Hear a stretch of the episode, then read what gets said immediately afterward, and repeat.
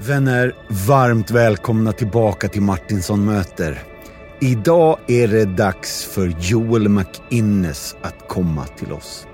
Han är den unga teologen som redan är klok som en bok. Han har svensk-amerikanskt ursprung, men med skotskt påbrå som kan leda ända tillbaka till piraten Blackbeard. Han älskar thaimat, teologi och kan låta skrämmande likt en dinosaurie. Han berättar i Martinsson möter om kärleken till både musiken och teologin. Han är inspiratör och lärare på Credo Sverige, utbildningen ALT och församlingsledare i Centrokyrkan Göteborg. I podden tar han oss tillbaka till ursprunget för ett generöst, utgivande liv som har sin källa i Guds godhet. Och här påminner han oss om att urkyrkan nästan tyckte det var en synd att äga två par skor om någon gick barfota. Hörni vänner, grattis till er som ska få träffa Joel McInnes.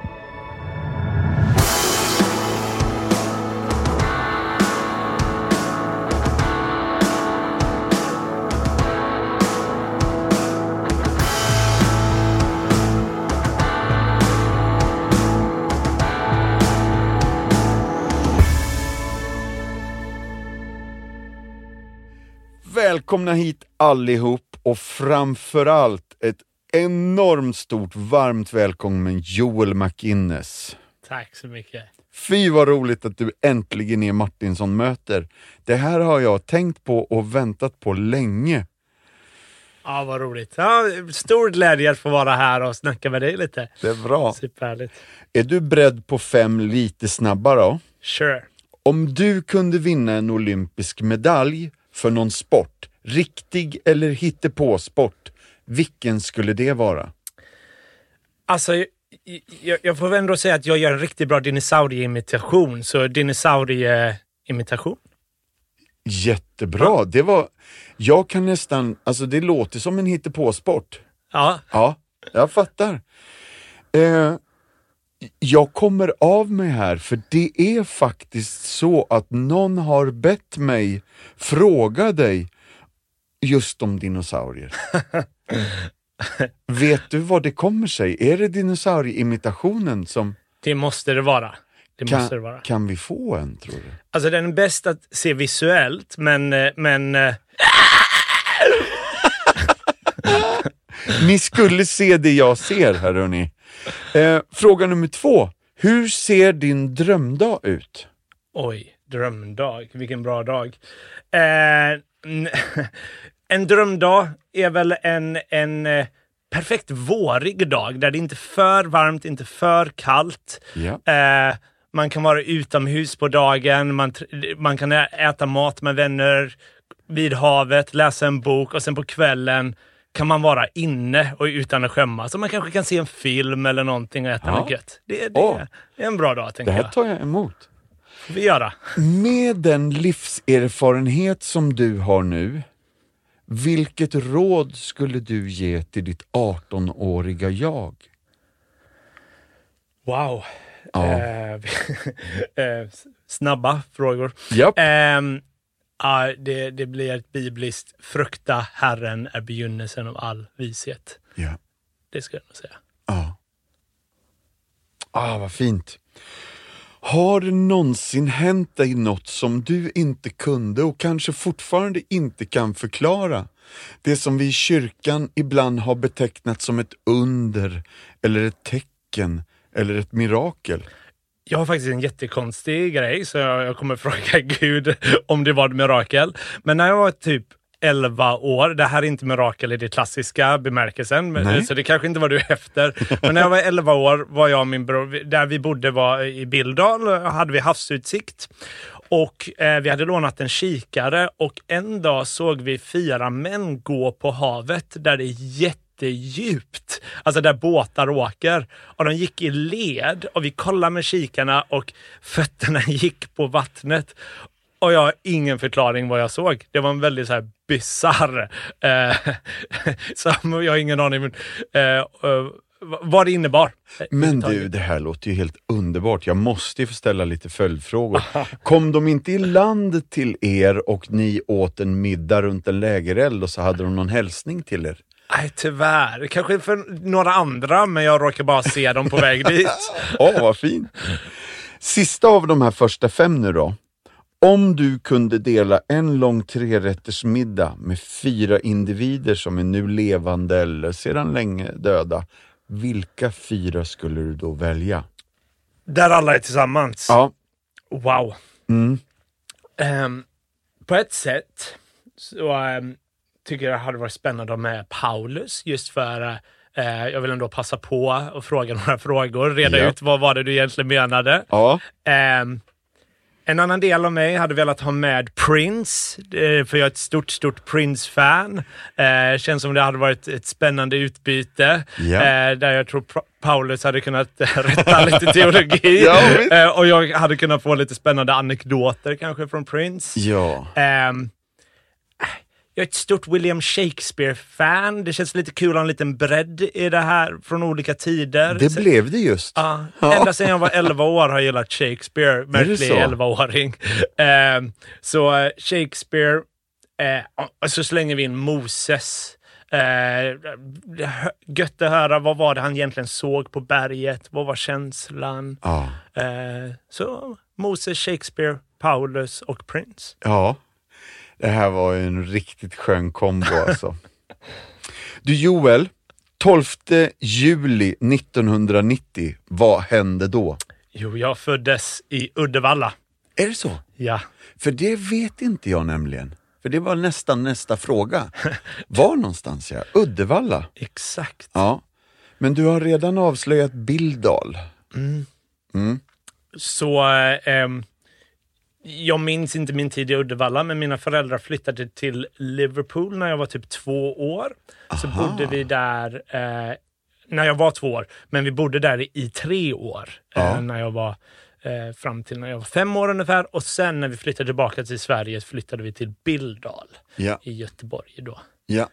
Och du är yngst av tre syskon. Eh, vi är fyra eh, totalt. Jag har en syster eh, som bor i USA och sen Ja. två bröder här i Sverige. Oh yeah. Mm. Men du, eh, eh, ge oss lite namn här då. Mm. Så äldst är min, min syster Maria. Hon är 15 år äldre än mig. Ja. Ehm, så har vi eh, min bror Paul som är 13 år äldre än mig. Sen har vi min bror Filip som är 3 år äldre än mig. Ja, Eh, just så det är lite det. som två, två generationer nästan.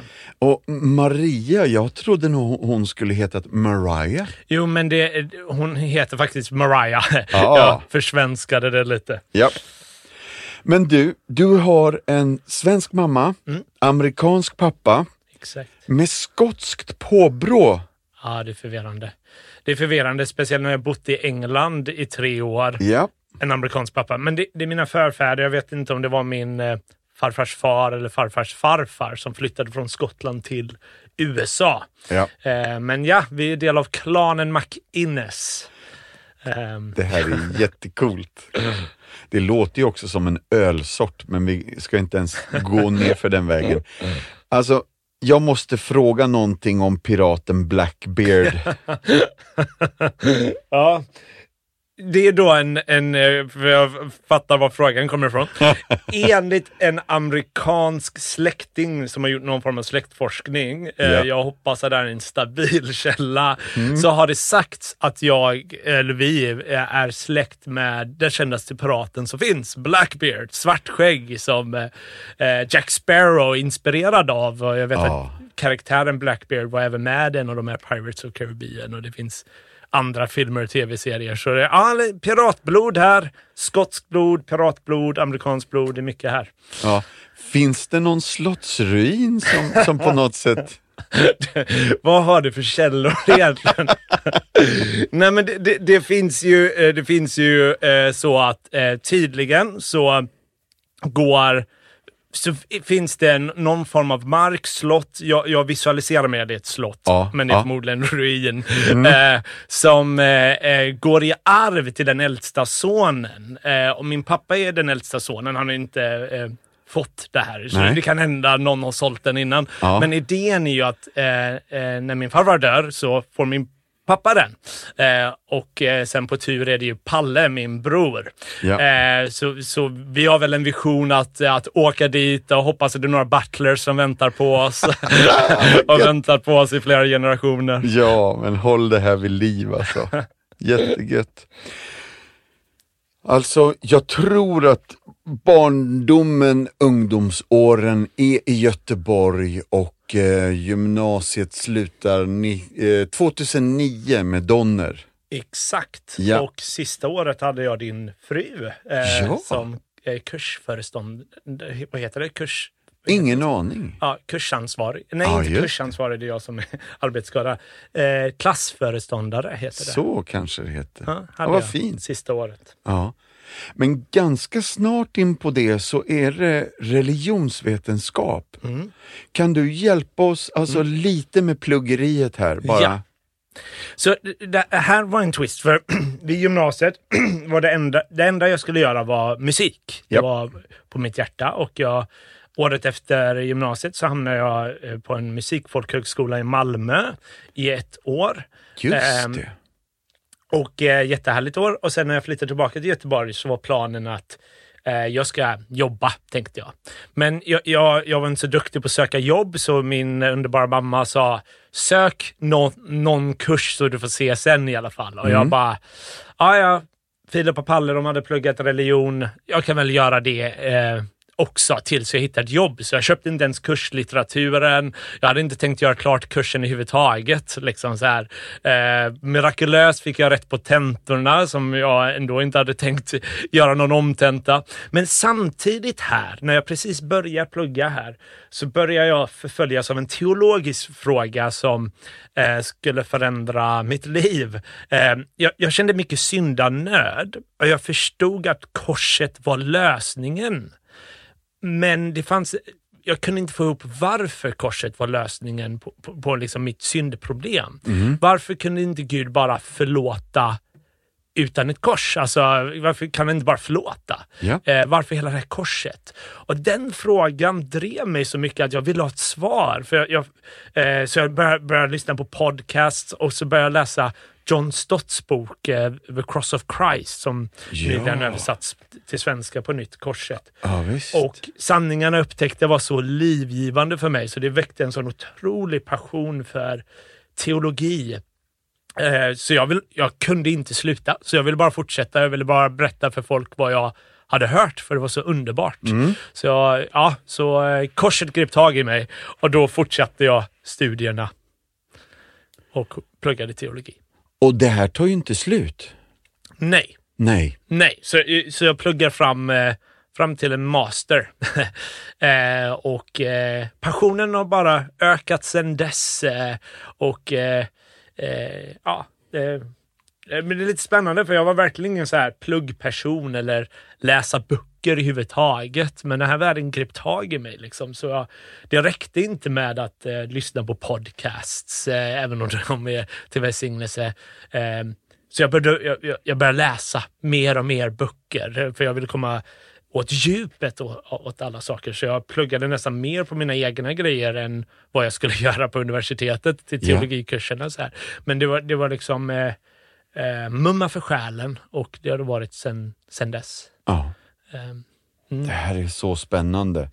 För du och jag gjorde en resa till Israel 2015 och då var du 25 och jag var lite yngre. Men i alla fall, jag fascinerades över eh, den, inte bara den vetgirighet utan också den insikt och den liksom klokskap eh, som du förvaltar den här kunskapen med.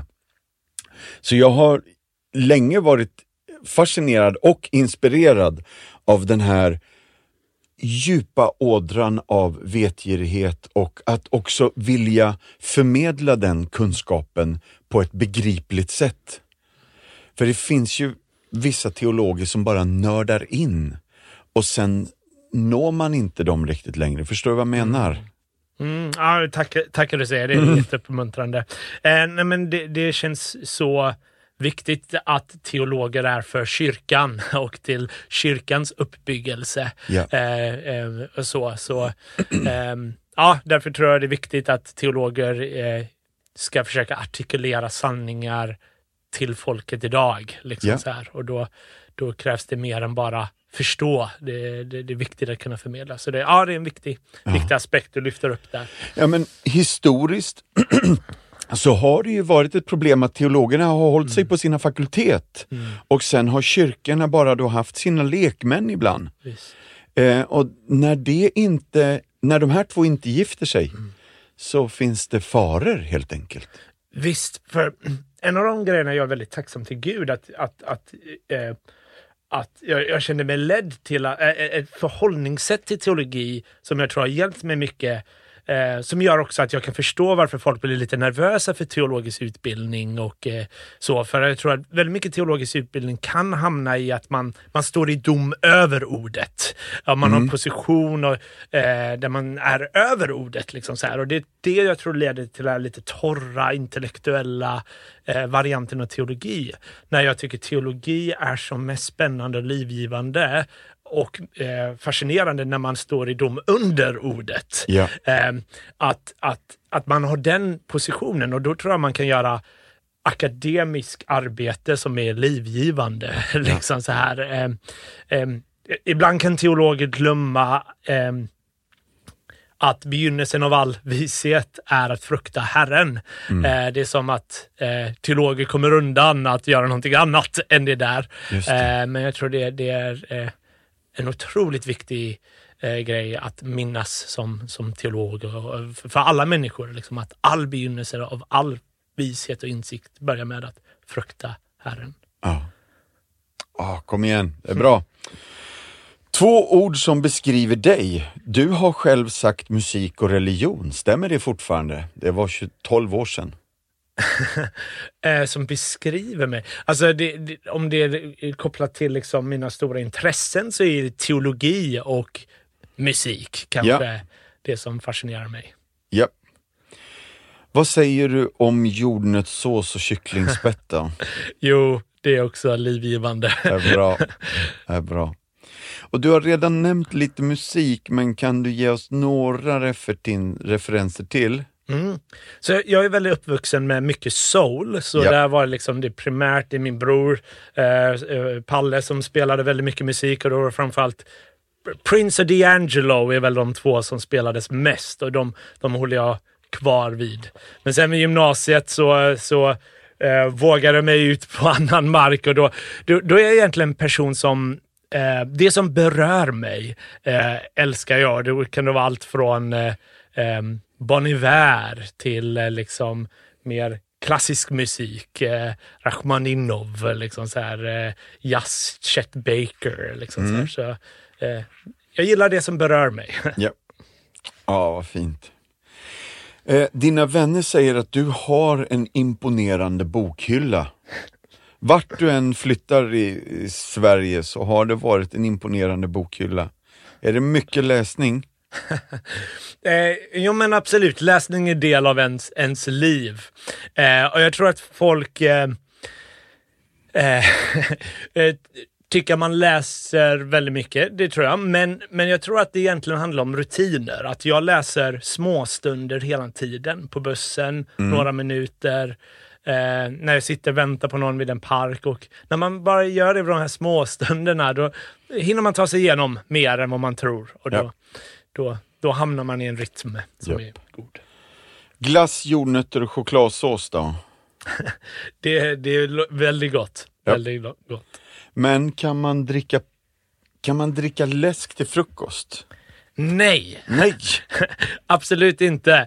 Eh, min, min pappa eh, kanske kan det, som bor i USA. Men, eh, men inte jag. Ja, det är jättebra. Gött. Men du, allt det här med, alltså, alltså jag tror att du har jobbat på Bibelskola Väst i många år. Det är Credos bibelskola och ALT. Precis. Så Hjälp jag- oss lite här. Ja, så det, mest, det mesta av min tid är att jag jobbar på ALT och där är jag lärare i Nya Testamentet i, i diverse kurser som har med Nya Testamentet att göra, Mm. som är jättekul. Eh, Bibelskola Väst har jag varit inne i ungefär sen eh, eh, när vi gjorde den resan 2015 ungefär. Eh, Ja. Har jag varit inne på olika sätt. Sen är det Credo Student, jag tror inte deras skola finns kvar, men Credo Student där jag jobbar med eh, eh, kristna skolgrupper i universitetsvärlden i, i, i Sverige. Där jag Ja. jobbar lite som inspiratör och föreläsare Mm. på olika sätt och är med och eh, ja, men jag föreläser och, och gör liknande podcasts och sånt. Mm. Sen, sen är det värt att nämna att jag är med och leder en kyrka här i Göteborg som heter Centro. En, Mm. en pingstkyrka i Göteborg. Och det här är en församlingsplantering. Mm, så vi, vi, vi var tidigare eh, mer kopplade till United, eh, Mm. som var en pingstförsamling då, men när de, eh, de bytte samfund eh, till EFS, då stod vi kvar i pingst och då blev vi Centro. Ehm, jag vet inte hur många år vi har funnits, för jag var inte med riktigt eh, Nej. från början, men, eh, men det är säkert en åtta år eller något sånt. Just det. Mm. Ah, jättespännande. Där har du också en viss anställning. Men kombinationen av de här grejerna Mm. är ju jätte, jättespännande. För att du rör dig både i den akademiska världen och i samhället, i kulturen och i kyrkans värld. För det är det här fascinationen om. Man går ut och lyssnar på din undervisning på Youtube, där finns det mycket kyrkor du har besökt genom åren. Och där du tar den här, de här stora teologiska frågorna och bantar ner dem. Alltså, en av dina, nu lägger jag ord i din mun här, men jag gissar att en av dina favoritböcker är Uppenbarelseboken. Och så har ju inte varit i svensk kyrklighet genom åren. Utan Det där har ju varit en bok som folk är rädda för. Ja, äh, Uppenbarelseboken är en sån eh, bok som har fascinerat mig jag har kanske ägnat liksom rent akademiskt mest tid åt Uppenbarelseboken. Delvis handlar det om att för tio år sedan var jag själv en person som var inne i väldigt mycket konspirationsteorier och var Ja! fascinerad av Illuminati det. och Ja, sånt visst, där. Visst, nu, nu kommer syndabekännelsen här. ja, jag var djupt inne i, i liksom konspirationer och hur man kopplade till Uppenbarelseboken. Och Ja. jag tyckte det var uppenbart liksom, att frimurarna styr allt och så vidare. Ehm, men... Eh, men eh, eh, sen började jag lyssna på det, min, min absolut favoritteolog, D.A. Carson. Han, Ja. han är nog den jag läst mest och lyssnat på mest. Jag minns att han hade en predikan på Uppenbarelseboken 12 eh, som bara vände min värld upp och ner, där han verkligen visade Delvis att Uppenbarelseboken skrev en viss genre som var förståbar vid, redan vid Jesu tid. Det var inte Ja. det där knäcka koden eh, grejen som jag trodde. Eh, och den grejen börjar bli mer och mer ologisk för mig. eh, Det jag tänkte tidigare. För om kristna var med om förföljelse, varför ger Gud en hemlig kod för folk om 2000 år senare? Liksom Ja. så här. Eh, men det eh, som Carson började öppna upp och vad jag upptäckte sen i andra teologer eh, när jag började läsa var en bok som var så mycket mer spännande än vad jag trodde och så mycket, evangel- det var så mycket evangelium i den. Ja. Eh, kapitel 1, vers 3 säger till och med salig den som läser och hör dessa ord. Ja. Alltså det är en bok som är tänkt ge glädje, blomstrande, men vi har använt det enbart för skräck. Ja. Eh, och, och, och det ligger på mitt hjärta att få öppna upp den boken så väl jag kan. eh, eh, För jag tror det är den bok som har otroligt mäktigt budskap för vår tid. Och, eh, men, men det finns en liten tröskel man behöver komma över när man kommer in i hur dessa symboler fungerar. Eh, eh, som jag tror de första läsarna hade förstått. Liksom så här. Och då, då, då tror jag det här är en bok som handlar väldigt mycket om Jesus. Eh, jag, tänk, jag tror många tänker att det här är en bok som handlar om antikrist. Och ordet antikrist förekommer noll gånger i Uppenbarelseboken. Förekommer bara i Johannesbreven. Visst, det finns ett odjur lite i kapitel 11, 13, 16 och så vidare. Men lammet är med hela tiden i boken. Bra. Så för mig är det en väldigt så Kristuscentrerad bok och det fascinerar mig. Och lammet, alltså det här...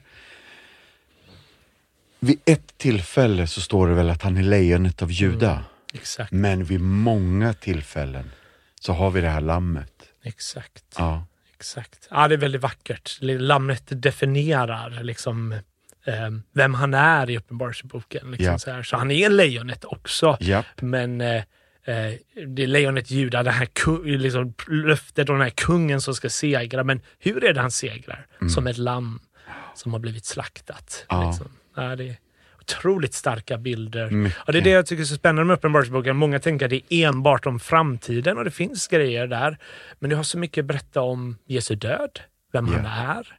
Eh, och det är där jag tycker är lite synd att man går bara till Uppenbarelseboken när det kommer till frågan om sista tiden, även om den har jättemycket att säga där. Men den har väldigt mycket att säga om lärjungaskap, kyrkan, den heliga ande, Jesus. Eh, mängder av klassiska teologiska frågor ber, berör Uppenbarelseboken. Jag tror ibland vi mister dess bidrag och jag tror den har ett väldigt viktigt bidrag där. Ja, verkligen.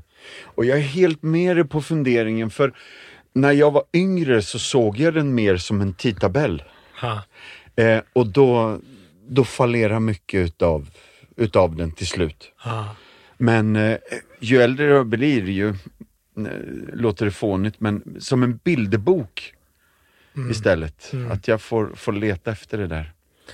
En av de luriga grejerna med Uppenbarelseboken är att man inte ens kan måla vad som beskrivs. För Nej. ibland så tänker man, jag vill visualisera hur draken ser ut, men plötsligt så är det en drake med sju huvuden med tio horn. Hur är de fördelade? Liksom Mm, så här. Eh, ett, ett lamm med sju ögon och sju horn. När man kollar på konst så är det nästan Ja. fortfarande bara två ögon, för det ser så läskigt ut med sju ögon. Ja. Eh, där hela poängen också är det här är symboler liksom Ja. Mm. så här, som representerar grejer. Så, så även om jag tror det är gott att visualisera så går inte ens det ibland med Uppenbarelseboken just för att den försöker till och med väcka en annan del av vår fantasi, vår, våra sinnen som till och med går bortom bilder. Liksom så här. Ja. Det tycker jag är rätt spännande. med den. Annabelle i Ghana. Livet före Compassion var väldigt svårt för mig, säger Elisabeth som är mamma till Annabelle och hennes lillebror. Liksom många kvinnor i Ghana så är hon en ensamstående mamma som kämpade för att klara sig med väldigt lite eller inget stöd. Men livet förändrades för henne och framför allt för Annabelle för åtta år sedan.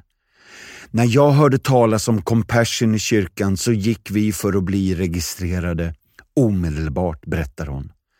Annabelle har nu varit med i Compassion-programmet de senaste åtta åren och livet har gjort förändringar och det har blivit bättre sedan dess. Annabelles fadder heter Kristen och hon är en givmild människa. Men det är inte bara hennes ekonomiska stöd som har gjort skillnaden. Hon håller kontakten och hennes böner och hennes uppmuntrande brev har varit avgörande för att bygga upp den nu 15-årige Annabelles självförtroende. Annabelle ser alltid fram emot att läsa Kristins brev och älskar att skriva svar. Jag tycker om att läsa breven hon skickar och det är roligt att höra om saker som händer i hennes familj. Hennes sons pjäser och teater, det är alltid roligt att läsa om. Och jag berättar för henne om mina favoritminnesversar och jag ber henne att be för mig och min familj. Jag påminner henne också att jag ber för henne. Richard, som är chef på centret, han är positiv och ser att breven som barnen får gör stor inverkan i deras liv. Faddrarnas uppmärksamhet på detaljer och genuina intresse för barnens liv får barnen att känna sig uppmärksammade och sedda. Och det är inte bara Annabelle som ingår i själva vänskapen. Mamma Elisabeth blev positivt överraskad när Kristen kom ihåg hennes födelsedag och skickade ett gulligt födelsedagsmeddelande till henne i ett brev av breven som sändes till dottern Annabelle. Gåvorna har hjälpt Elisabeth att renovera huset och också starta sin inkomstgivande företag helt själv. Vi vill alla hjälpa till och vi vill alla göra världen bättre. Varför inte göra det nu? Vi kan hjälpa dig så att du kan få vara med och förvandla liv på riktigt. Vi i Compassion är en kristen fadderbarnsorganisation. Vi har funnits i snart 70 år och vi hjälper över 2,2 miljoner barn i över 25 länder. Vårt uppdrag, alltså varför vi gör det vi gör, det hittar du i Bibeln i Markus evangeliet 16 och 15. Gå ut i hela världen och predika evangelium för hela skapelsen. Så, som svar på denna Guds kärleksförklaring till varje människa existerar alltså vi som en förespråkare för barn i nöd, för att frigöra dem från andlig, ekonomisk, social och fysisk fattigdom. Och vi vill vädja till dig. Tillsammans med oss kan du förvandla liv. För 310 kronor i månaden kan du bli fadder till ett barn som Annabelle som verkligen behöver dig. Gå in och skriv upp dig direkt på www.compassion.se. Nu tillbaka till McInnes. Joel, hela Uppenbarelseboken handlar ju jättemycket om tillbedjan Mm. av Lammet. Och eh, den kristna kyrkan har sagt sig stå på Guds ord och vill bygga Guds rike och någon av eh, kyrkoledarna har sagt att benen som kyrkan står på är tillbedjan och barmhärtighetstjänst. Alltså worship and compassion. Eh, jag måste bara, kan du hjälpa oss? För jag vet inte ens hur jag ska formulera det här. Risken finns ju att vi som kyrka tänker you get pie in the sky when you die. Men evangelium är något som händer oss här och nu också. Och så när Jesus i Lukas 4 säger att han eh, förkunnar glädje för fångar och befrielse för de blinda, syn för de blinda och befrielse och sådär. Då har vi ibland tänkt att det är andliga saker. Men jag tror att du är inne på att det också är liv som ska räddas på riktigt, att det handlar om fysisk mat, faktisk mat. Kan du bara hjälpa oss lite här? Ja, men gott. Eh, lå- låt mig bara börja med någonting just med kopplingen med tillbedjan och compassion som du tog upp där, för jag tror ofta de hänger ihop eh, väldigt mycket. Eller det, det gör det i Gamla Testamentet väldigt mycket där, där eh, eh, det är som att eh, Gud blir frustrerad eh, eh, över Israel där de trots att de gör rätt, de offrar rätt saker, de gör rätt saker så säger han men ni har ingen barmhärtighet. Ni har missat hela hjärtat och grejen med det här. Så säger han till mig, jag avskyr alla de här offren som är det Gud själv sagt, jag vill ha det här. Men vid det här tillfället så säger han avskyr dem, för det är helt kopplat från eh, barmhärtighet. De tillber Gud, men de älskar inte människor. Och, och det är där jag tror att sann tillbedjan i Bibeln är liksom den som är villig att räcka upp handen liksom i tillbedjan och räcka ut handen. För ibland tror jag när man liksom haft en gudstjänst och man lovsjungit och man kan bara yes, nu har vi åstadkommit bra lovsång. Och så går vi hem och så går vi förbi människor i nöd utan barmhärtighet. Och då, då, då är det någonting som är off där med själva tillbedjan. Tillbedjan i, i Bibeln verkar vara tänkt att kunna förkroppsligas eh, genom allt vad vi gör. Eh, att, att sann tillbedjan och lovsång eh, sker eh, i vardagen. Ja. där. Eh, så, så det är väl en aspekt där med eh, just barmhärtighet. Eh, och, och det är någonting väldigt centralt i Matteus evangeliet. Jag tror Matteus evangeliet eh, utmanar lagiskhet väldigt mycket. Eh, och när han, Jesus utmanar fariseerna eh, så är det ofta att de saknar barmhärtighet. Även om de gör rätt saker så saknar de barmhärtighet. För eh, fariseerna ser bara religion som en nät av regler, saker att göra. Då kommer inte barmhärt, barmhärtighet är svårt att sätta upp som en regel. Det är någonting som förvandlar hjärtan, någonting som har med hjärtat att göra. Och det Jesus vill komma åt är inte bara de här externa sakerna där vi gör alla dessa religiösa saker, utan det är det att komma åt ett hjärta som är drabbat av barmhärtighet, för vi har mött barmhärtighet från Gud.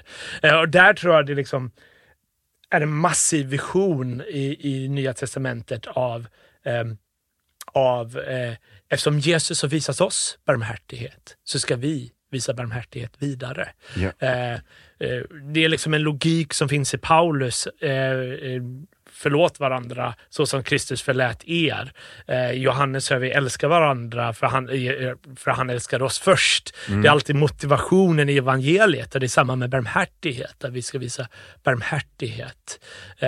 Vi vill se det här riket förkroppsligas eh, i den här världen nu och där har mängder av människor gått före oss. William Wilberforce som bekämpade slaveriet eh, i, England. i England på 1700-talet eh, i sin teologiska övertygelse av Guds ehm, eh, hjärta för människor och så vidare. Ja, det finns mycket att säga. Ja, men du, det här är så spännande. Eh, när, när du börjar berätta så börjar jag tänka på Hebreerbrevet 13. Det här med, det, det, det står någonstans att Låt oss därför ständigt genom honom frambära lovets offer till Gud, en frukt från läppar som prisar hans namn. Det är vers Just 15. Och sen, och glöm inte att göra gott och dela Ja. med er, till sådana offer behagar Gud. Ja, Det liksom sammanfattar den här växelverkan av en uppsträckt hand och en utsträckt hand. Verkligen. Ja, Verkligen, och det tror jag är lite samma logik som i Romarbrevet 12, klassiska texten där det står Så förmanar jag nu er bröder vid Guds barmhärtighet frambära era kroppar som, är levan, eh, som ett levande och heligt offer som behagar Gud, er andliga gudstjänst. Ehm, som är kopplat till tillbedjan Ja. eh, med hela livet och efter vad det är han pratar om. Jo, han plockar upp mängder av grejer från bergspredikan av hur vi ska älska eh, allt från våra fiender och så vidare där det, där det är tydligt att det är, är ett sann tillbedjan förkroppsligas på detta sättet. Ja. Eh, och det är den typ av tillbedjan Gud vill bjuda in oss till. just det. Eh, Hur, alltså, hur kommer det sig då, alltså om man gör lite raljant beskrivning, så har ju kyrkan liksom delat upp det här lite grann, att det här är andliga grejer och det här är diakonala grejer. Att, det, att det ses som olika.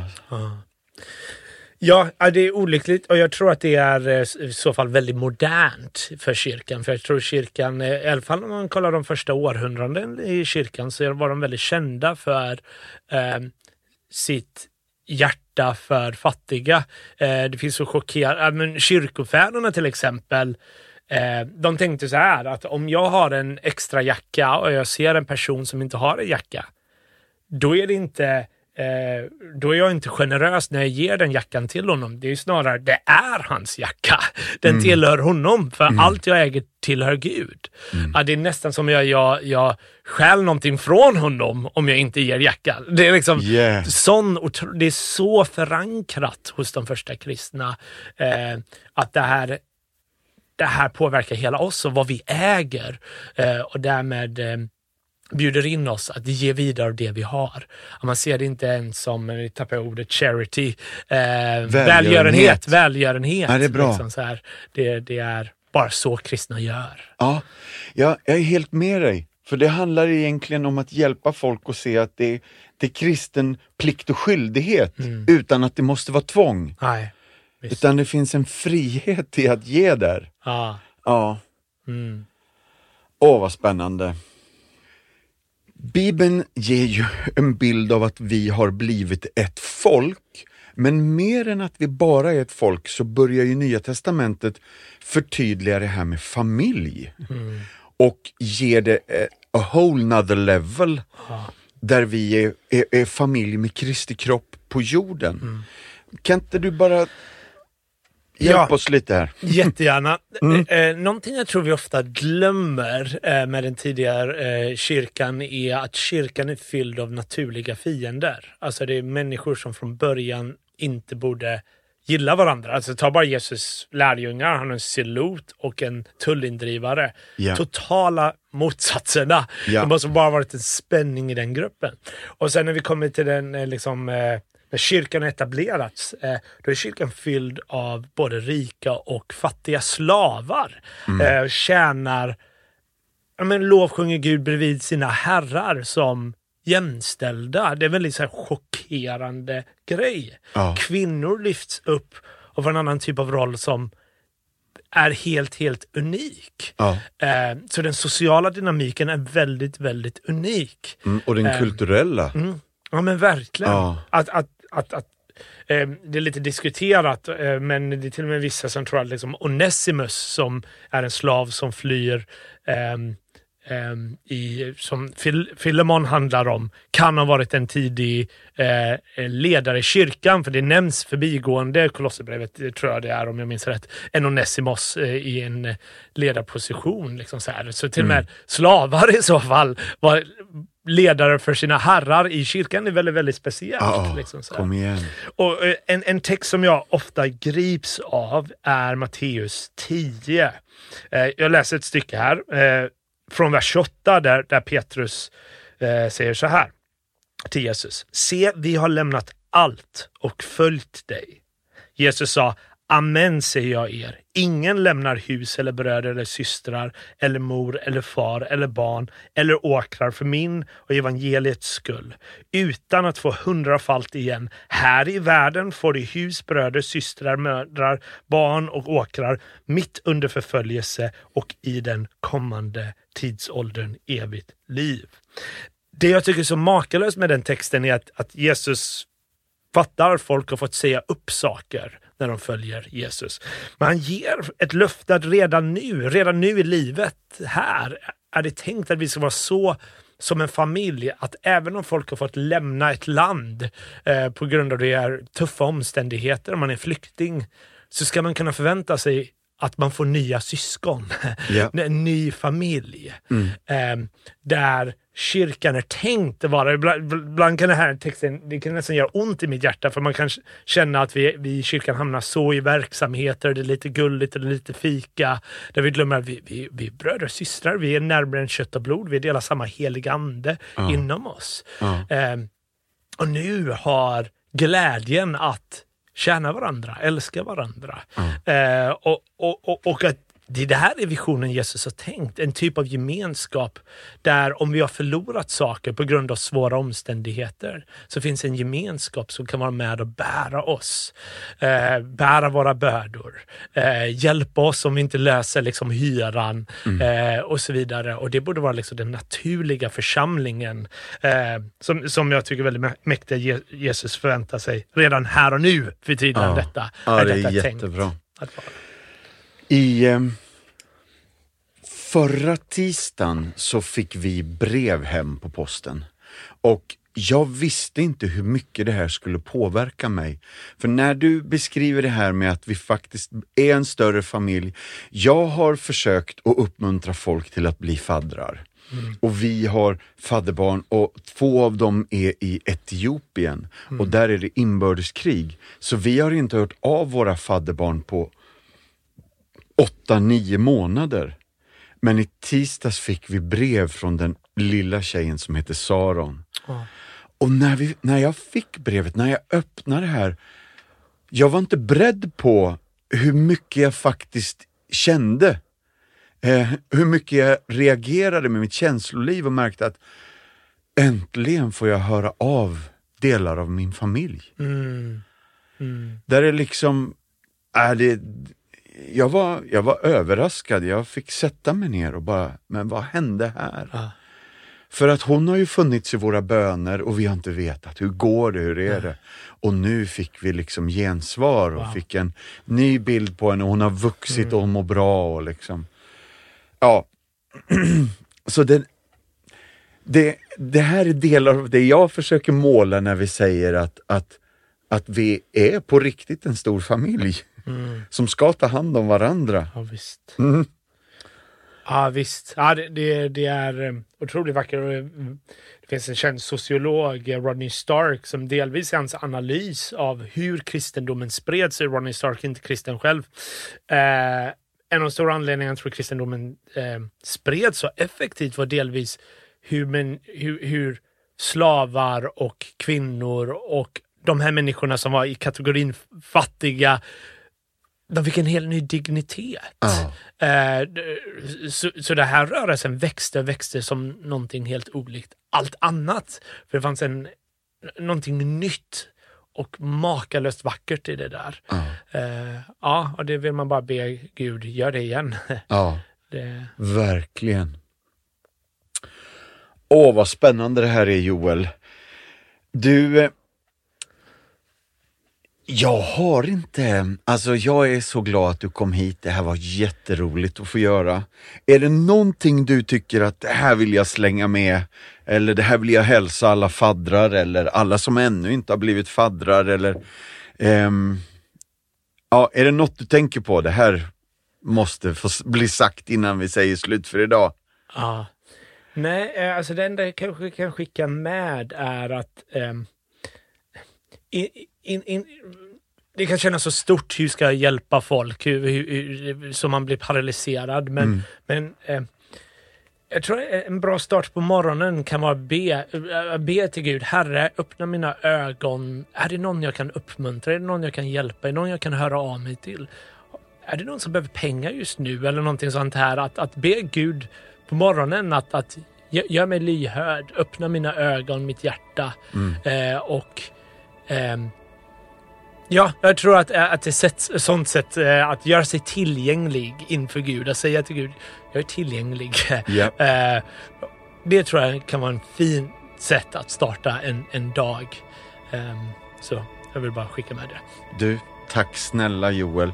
Tack snälla för den du är och det du gör.